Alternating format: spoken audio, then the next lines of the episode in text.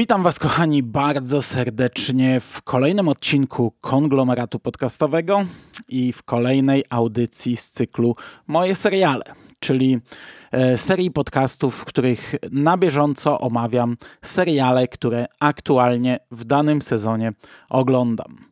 Dzisiaj będą trzy tytuły, ale tak naprawdę będzie rozstrzał dosyć e, tematyczny i rozstrzał formy, ponieważ e, pierwsza produkcja to będzie normalny serial fabularny. Druga to będzie kolejny True Crime od Netflixa. Natomiast trzeci tytuł to będzie dokument, ale tak naprawdę jednoodcinkowy. I żeby nie przedłużać, a dzisiaj raczej długo nie będzie, to przejdźmy do mięcha. Zaczynamy od tradycyjnego serialu, którego plakat zdobi dzisiejszy podcast, graficzkę w poście, mianowicie Snowfall. Snowfall sezon czwarty, serial wyprodukowany przez FX. W Polsce można go oglądać e, na HBO Go.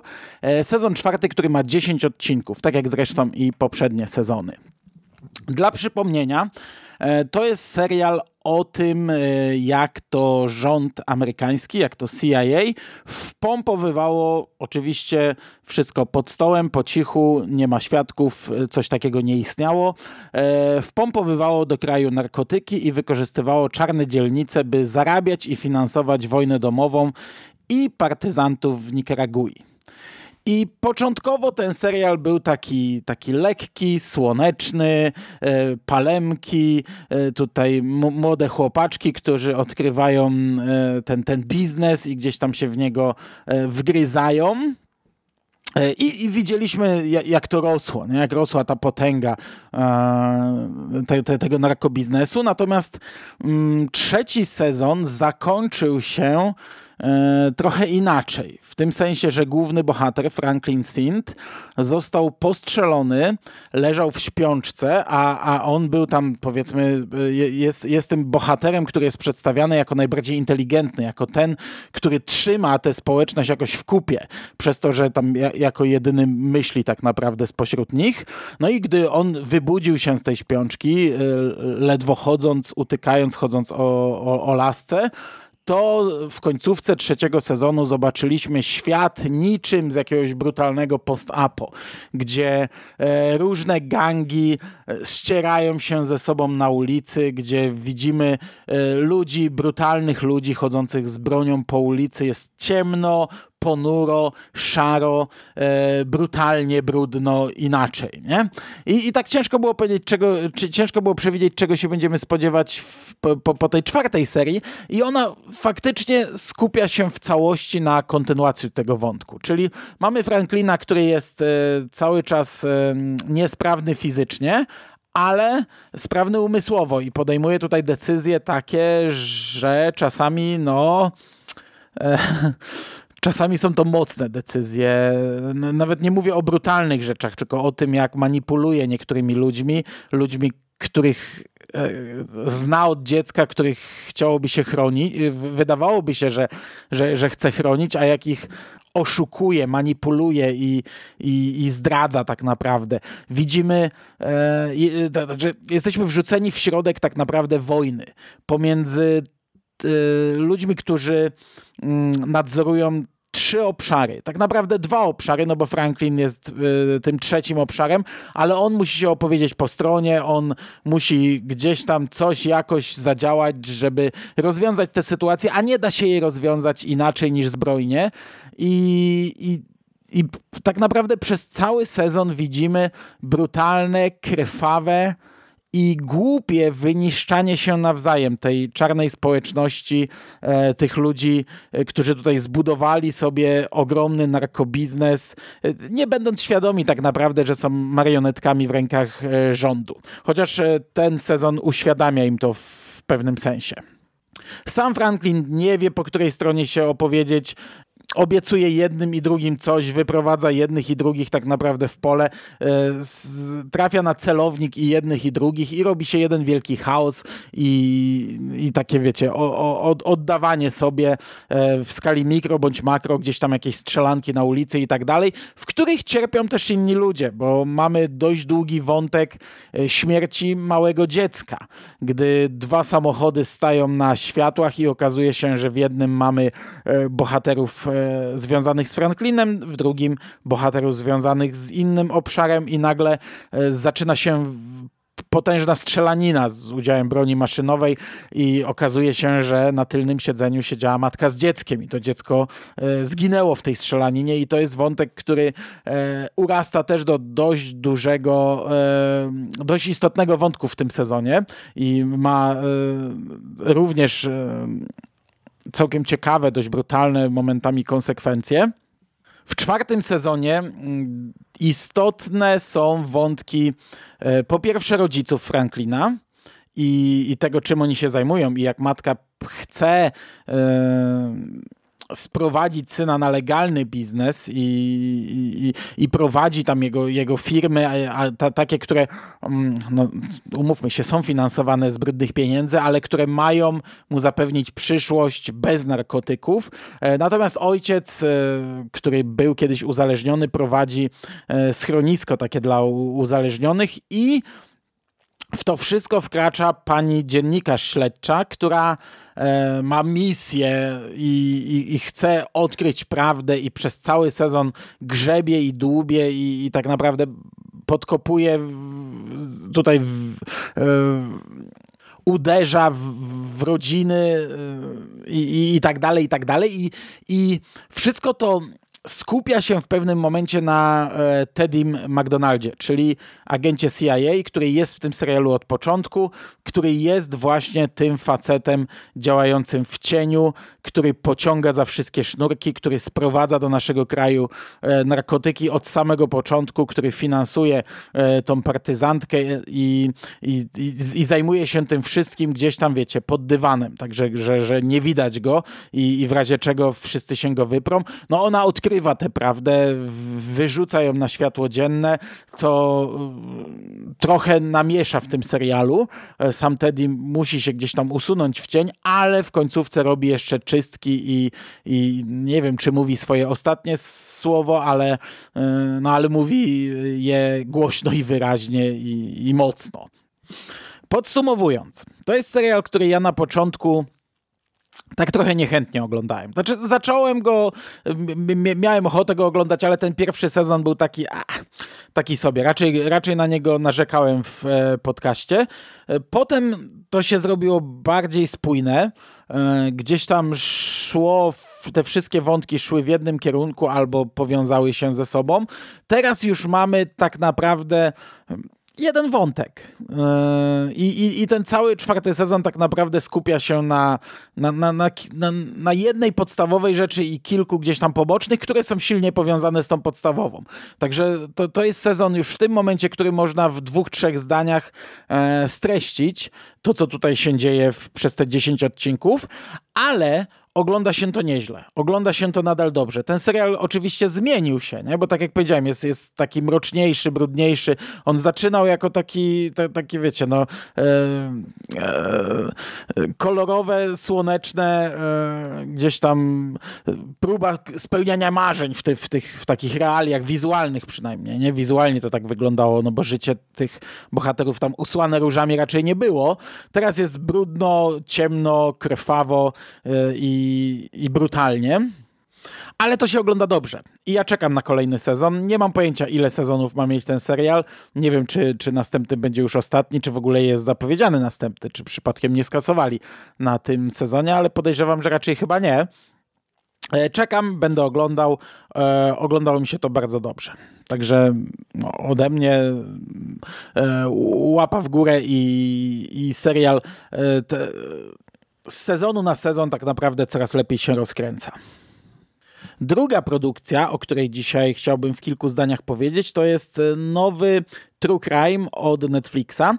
E, tradycyjnie czteroodcinkowy serial dokumentalny pod tytułem The Sons of Sam a Descent into a Darkness.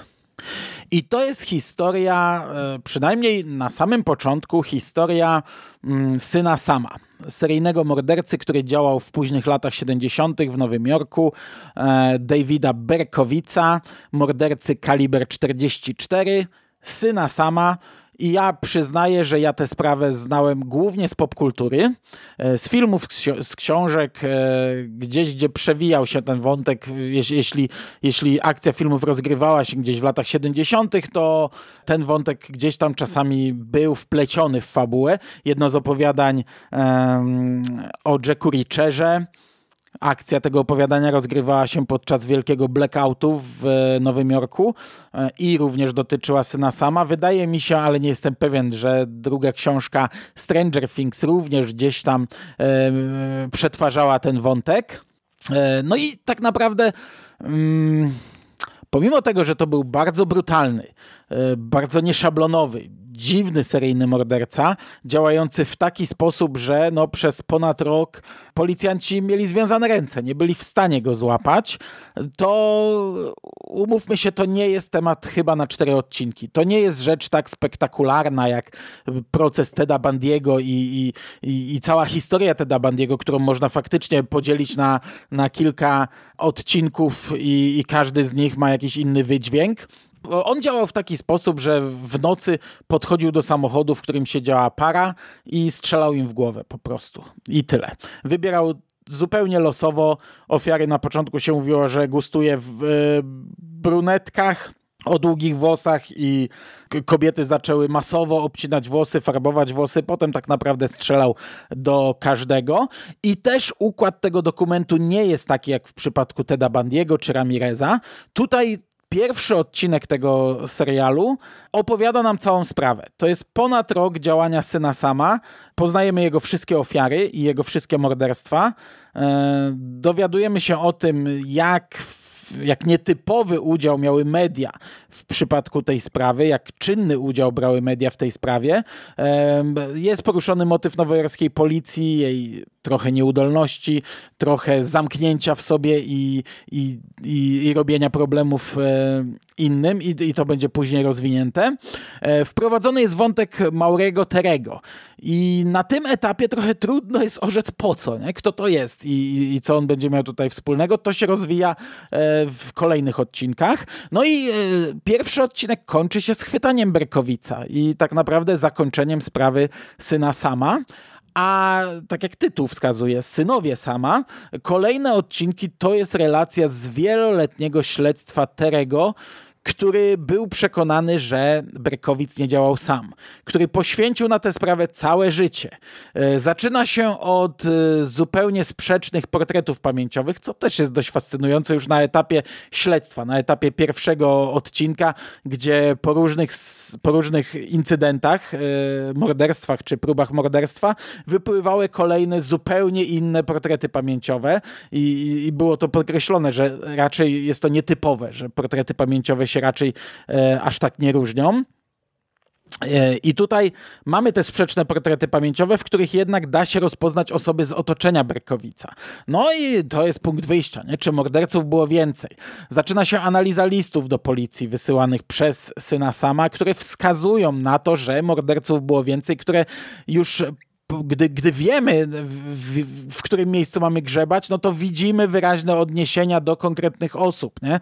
E, oczywiście, no to, to jest tak, jak wiecie, no, gdy, gdy wiecie, czego macie wypatrywać, to to widzicie, nie? Także to e, do końca nie jest, to, to, to jest takie dwuznaczne, nie? Czy faktycznie tak było, czy to jest tylko teoria spiskowa, która układa się z elementów, które już mamy w pewnym momencie wchodzimy w sekty religijne, w ich różne odłamy, no i wszystko to jest połączone z tym, z tą, z tą domniemaną siecią morderców w Nowym Jorku, którzy również związani są z sektami. bohaterowie odbijają się od ściany w postaci tej nowojorskiej policji, o której wspomniałem, która zakończyła śledztwo z wielką pompą, przydzieliła tonę awansu i absolutnie nie chce otwierać na nowo, nie chce rozgrzebywać tej sprawy. No i widzimy, jak Terry działał, jak Terry działał w mediach, gdy Terry wydał książkę, jakim to się echem odbiło, jak, jak, jak to gruchnęło, gdy potem występował we wszystkich talk showach, ale wiecie, występował ramię w ramię z innymi uczestnikami, więc to było, to były absurdalne wystąpienia, wyśmiewane, które wyglądały kretyńsko, nie? Mamy taki talk show pokazany, gdzie e, mamy między innymi Terego, ale też innych znawców i tam są pytania prowadzącego pokazuje bodajże um, maskotkę Smurfa czy Smurfetki i pyta, czy to jest e, sz szatanistyczny gadżet do obrzędów. I tak, tak, tak, bo w bajce e, Smurfy, papa Smurf podpala pentagram, a wszystkie Smurfy tańczą w koło i, i wiecie, i, i, w zderzeniu z takimi e, absurdalnymi bohaterami mamy tego Terego, który chce przekazać prawdę, prawdę z jego punktu widzenia, a, a wypada coraz bardziej kretyńsko na, w zestawieniu z tymi ludźmi.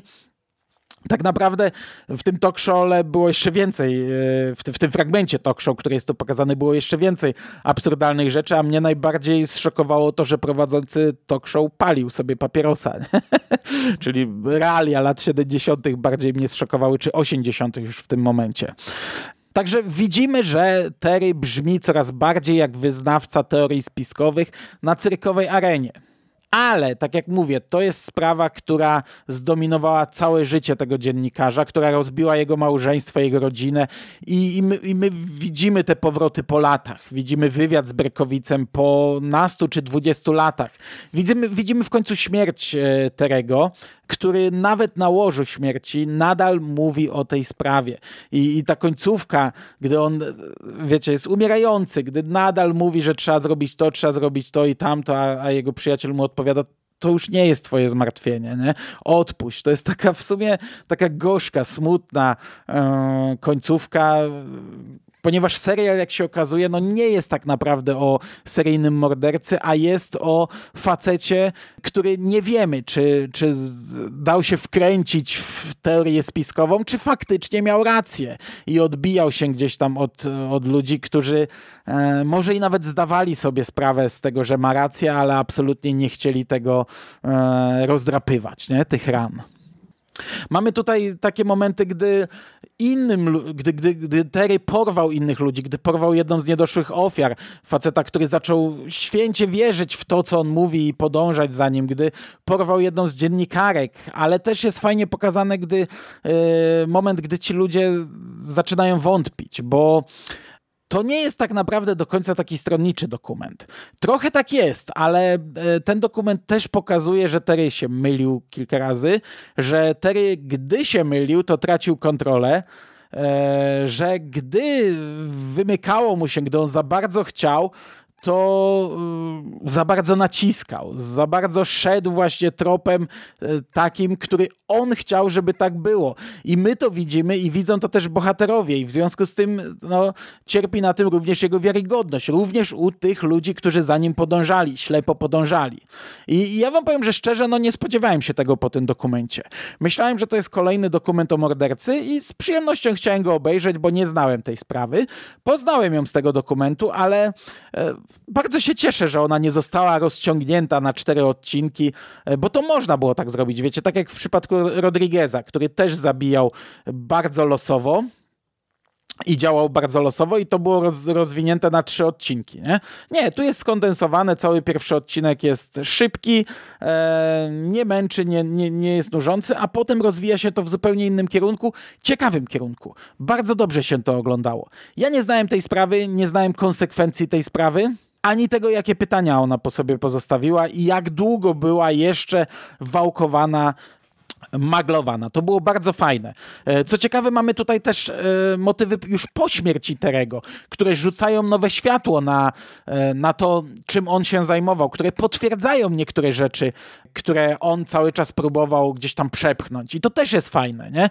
że przeskakujemy o ileś tam lat do czasów niemalże obecnych i, i pewne wydarzenia dalej rzucają nam światła na tę sprawę. Co ciekawe, bardzo rozbawił mnie lektor w tym e, serialu. To już tak na zakończenie, bo, bo ja już skończyłem o tym serialu. Jest taki, takie jedno zdanie, jak mm, jeden bohater mówi, gdy dowiedziałem się, że Terry wydał książkę, pomyślałem, pieprzony Terry. A lektor mówi, e, gdy dowiedziałem się, że Terry wydał książkę, pomyślałem, jebaniutki. Aż musiałem sobie cofnąć, posłuchać jak to jest po polsku, e, sprawdzić jak to jest z polskimi napisami. E, wydaje mi się, że takich rzeczy jest więcej, ale ta jedna to jest po prostu perełka, nie?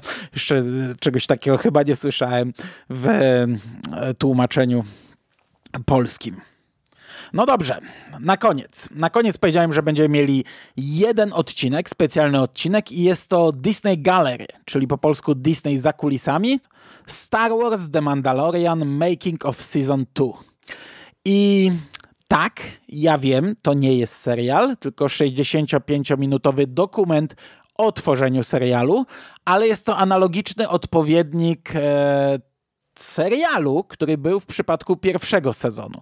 Wtedy mieliśmy ośmiodcinkowy serial Disney Gallery, który omówiłem w osobnym podcaście. Teraz mamy tak naprawdę jednoodcinkowy sezon drugi tego serialu, więc jak najbardziej wydaje mi się, że to tutaj może być. Chociaż Podejrzewam, że Disney już obierze taką taktykę, bo również w przypadku WandaVision mieliśmy trochę dłuższy, ale jeden film dokumentalny. To już nie był serial, to już nie było tak jak w przypadku pierwszego sezonu. Osobiście nie rozumiem, bo, bo to jest więcej materiału, które oni mają. I, I, mnie się podobał ten pierwszy sezon Making of e, The Mandalorian i podobał mi się tak naprawdę bardziej niż drugi sezon, te, czy drugi sezon, no drugi odcinek, e, to czy dokument o tworzeniu drugiego sezonu, bo on jest skondensowany i, i, i ściśnięty i tam jest tak naprawdę takie, wiecie, e, jak to fajnie, że to robimy, nie?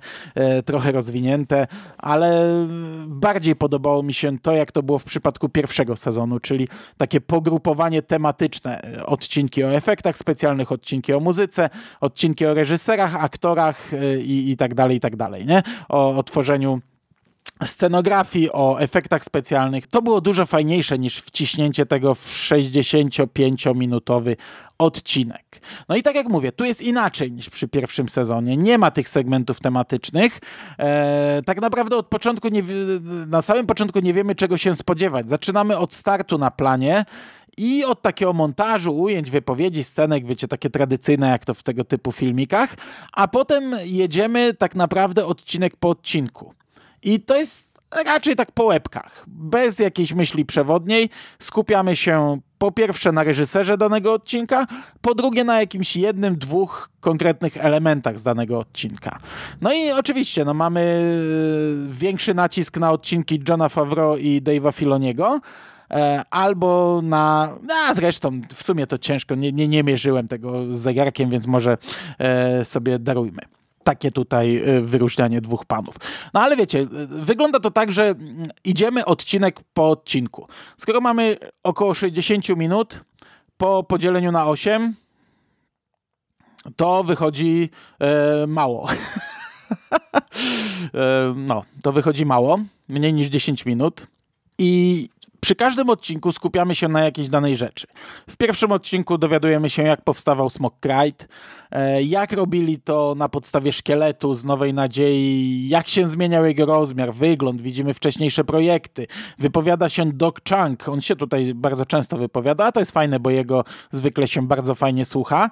I tak w każdym odcinku. Drugi odcinek to są Pająki i Frog Lady, jak powstawały i tak dalej, i tak dalej. Odcinek trzeci, jak powstawali Mon Calamari i Quarenowie i jak było kręcone, były kręcone sceny na statku, tym statku, który płynął po wodzie i kostiumy, Bokatana, reszta ekipy. Odcinek czwarty, no to mamy tak naprawdę głównie y, o Karlu Edersie i Ginie Serrano.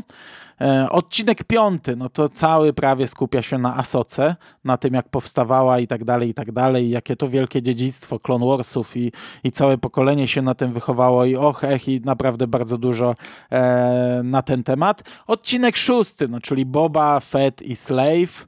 E, w odcinku siódmym tak naprawdę nawet nie wiem na czym się skupiamy, to był ten odcinek o kantynie.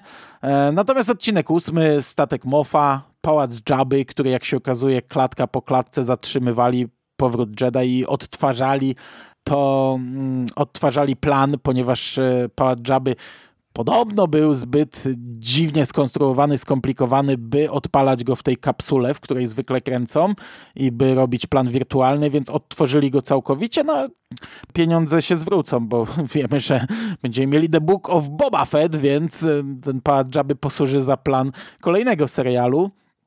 Mamy też bardzo dużo o Bibie Fortunie, jak powstawał, kto go gra. Okazuje się, że grał go dźwiękowiec i z pierwszego sezonu, i z Wojen Klonów. I był to facet, który ponoć grał Biba Fortunę w Mrocznym Widmie.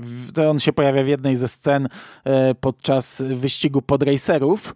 Mm, ja byłem przekonany, że kto inny tam grał Bobę, bo kiedyś jeden aktor był w Polsce i było powiedziane, nie Bobę, tylko Biba. E, było powiedziane, że on grał m.in. Plokuna, Biba Fortunę i jeszcze kogoś. Ja nawet mam od niego autograf na e, zdjęciu Plokuna.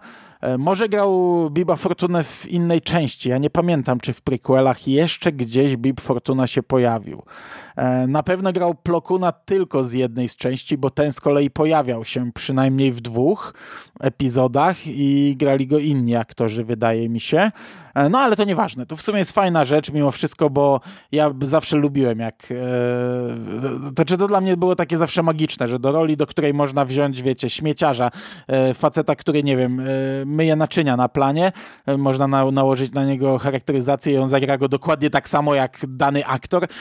Mimo wszystko bierze się aktorów, którzy gdzieś tam kiedyś już coś z tą postacią na przykład mieli wspólnego. To już się oczywiście rozmyło, nie? za dużo rzeczy powstaje, e, aktorzy umierają i tak dalej, ale to jest nadal, ma, ma swój urok, to jest fajne dostajemy bardzo długi motyw tego, jak powstawało graffiti, które widać w pierwszym odcinku i jak wielopoziomowa była to praca. Jak tworzyli graffiti na graffiti na graffiti, żeby to wyglądało tak, jakby, wiecie, to graffiti miało swoje lata i już tam powstawało jedno na drugim. Kurczę, naprawdę dużo zachodu, jak na scenę, którą widać przez kilka sekund e, i, i naprawdę tam, jak, jak na to się spojrzy już tak w momencie, gdy oni nad tym pracują, to tam jest masa, masa elementów, e, których możliwe, że w ogóle nawet się nie zobaczy w serialu, e, gdy, gdy to nam jakoś przelatuje. Jest dużo o tym, wiecie, jak powstawali różni kosmici i tak dalej, o jak powstawały e, statki, znów efekty praktyczne. Mamy na przykład statek Mofa Gideona, to była makieta stworzona i głównie w taki sposób kręcony i tam, wiecie, jedna wielka zbiorowa masturbacja, jak to fantastycznie e, praktyczne efekty tworzyć i je widzieć.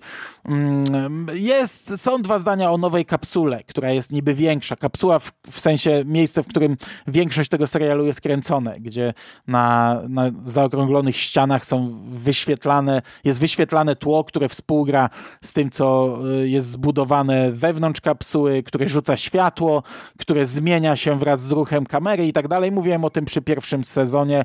E, to jest bardzo nowatorskie podejście do kręcenia, zmienia całkowicie e, sposób i tempo kręcenia e, do telewizji. No ponoć tutaj jest to nowe, większe, daje nowe możliwości ze zmianą barw. Jednym ruchem palca można zmienić porę dnia, oświetlenie nieba i tak dalej, i tak dalej. No tak naprawdę nie poświęcają temu jakoś wiele czasu. To, to są dwie, trzy wypowiedzi i tyle. I to tak w skrócie chaotycznie jest wszystko. Powiedziałem na początku, że bardziej podobało mi się podejście z pierwszego sezonu, bo bardziej mi się to podobało. Szczególnie, że ja uważam, że to jest rzecz, która, którą z której powinien korzystać Disney. E, Disney Plus, platforma, która owszem, radzi sobie doskonale na świecie, ale platforma, która opiera się na treściach oryginalnych, których nie ma z kolei, wiecie, tak, tak dużo, żeby wrzucać ich kilkadziesiąt miesięcznie, nie? jak taki tam Netflix powiedzmy.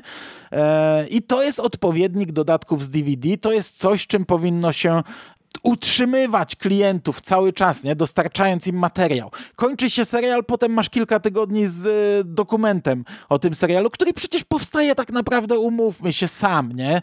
Y, to, to jest rzecz, która składa się w większości z wypowiedzi na planie, ze zdjęć na planie i, i, i w pierwszym sezonie y, tego, nie Mandalorianina, tylko Disney Gallery, mieliśmy jeszcze to takie studio, gdzie siedzieli sobie dani rozmówcy, w większości reżyserzy, i rozmawiali o, o, o temacie danego odcinka. No tutaj studia nie ma.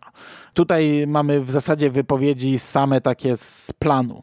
E, no ale to wszystko jest skondensowane przez to, że przelatujemy przez 8 odcinków na dość podobnej zasadzie, czyli kilka zdań o reżyserze, który mówi jak świetnie, że tutaj jestem, o jejku, wychowałem się na Gwiezdnych Wojnach, oglądałem je za dzieciaka naście razy, fantastycznie, że mogę teraz je tworzyć, nie?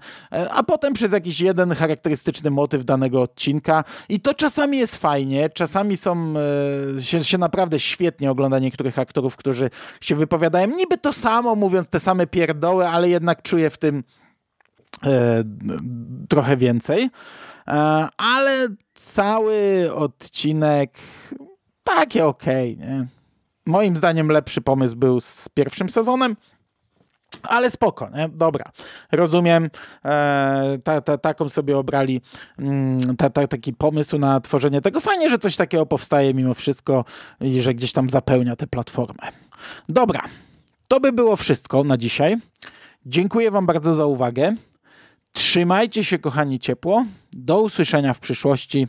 Cześć!